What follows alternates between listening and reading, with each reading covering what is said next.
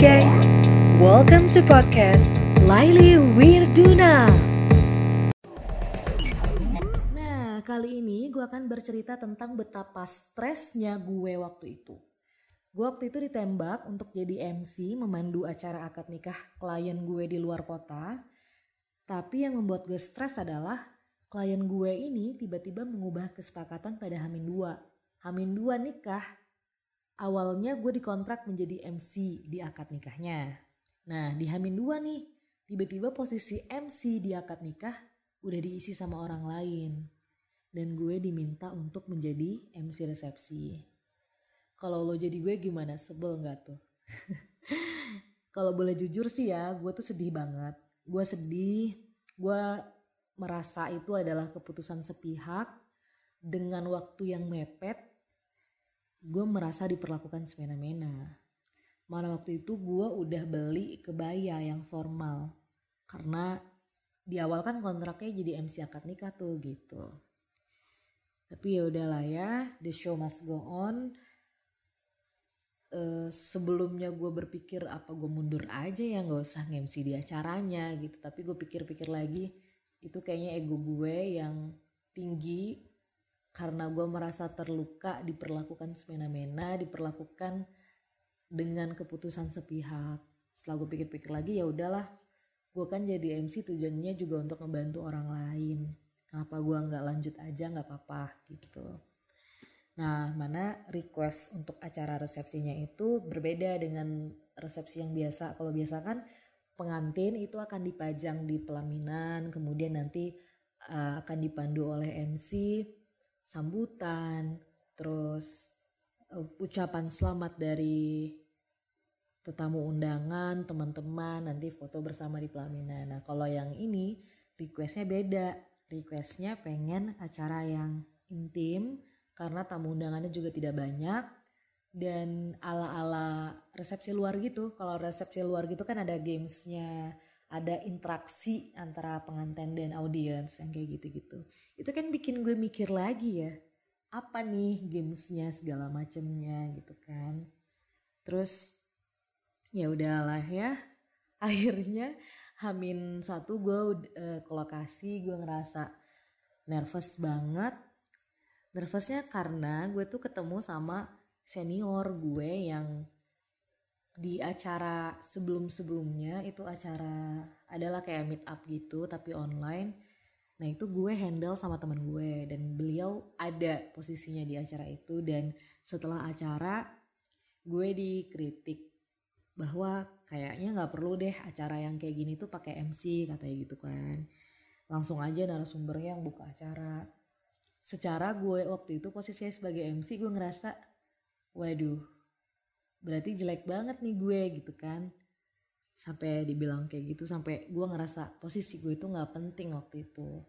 Makanya pas ketemu lagi sama beliau gue kayak kayak apa ya di di penilaiannya dia tentang gue gimana sih apa gue sejelek itu ya di otaknya dia gitu kan. Tapi gue pikir-pikir lagi ya enggak lah kalau misalkan dia mikir ya gue jelek banget kayak gue nggak akan dipanggil juga di acara yang nikahan ini gitu ya udah tapi tetap ya maksudnya masih ada pergejolakan dan perdebatan di dalam diri yang akhirnya tuh gue ngerasa insecure gue ngerasa apa penilaian itu masih melekat di gue gue jadi nggak percaya diri lagi gitu.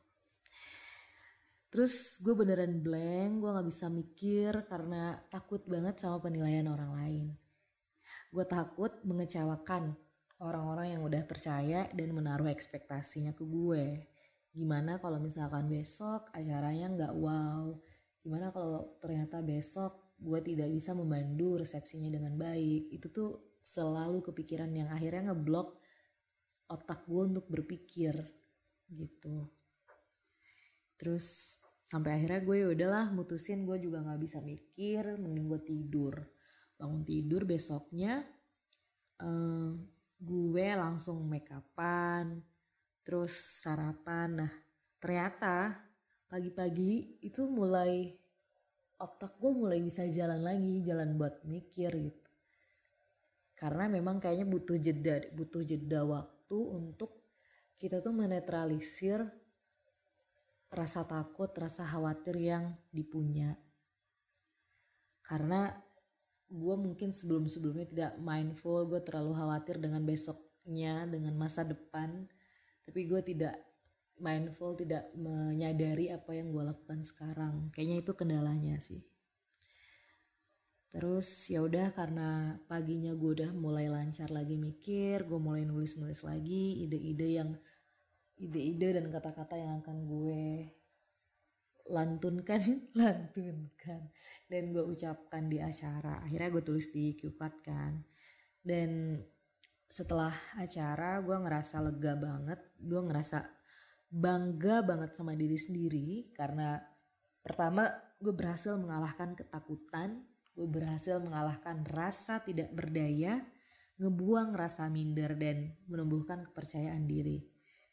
Itu part yang menurut gue patut untuk gue apresiasi karena itu susah banget. Dari ngerasa jatuh banget terus akhirnya muncul rasa percaya diri itu luar biasa perubahannya gitu. Meskipun gue yakin uh, banyak kurangnya mungkin ya dalam gue memandu acara di mata tuan rumah. Selesai, selesainya acara gue juga ngucapin permohonan maaf juga ke pengantin gitu kan dan gue juga minta feedback gimana tadi pas gue bawain acara tapi dari pengantin mah dibilangnya bagus aja ya kagak ada feedback gitu kan.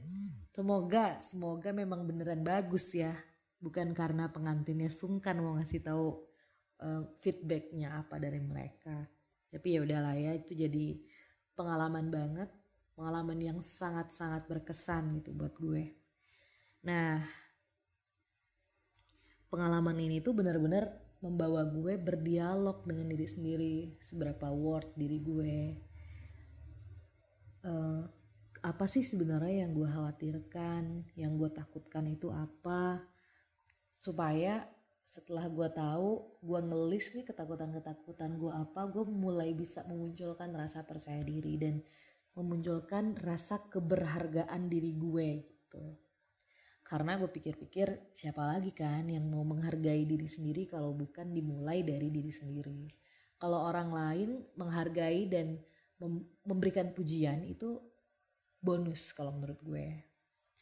Nah buat lo semua para pendengar podcast gue uh, terima kasih sudah mendengar sampai titik ini. Semoga hal yang gue sampaikan bermanfaat untuk para pendengar. Dan jangan lupa untuk menuliskan kekhawatiran kemudian panggil lagi rasa percaya diri dalam diri lo. Sampai jumpa di episode selanjutnya. Bye bye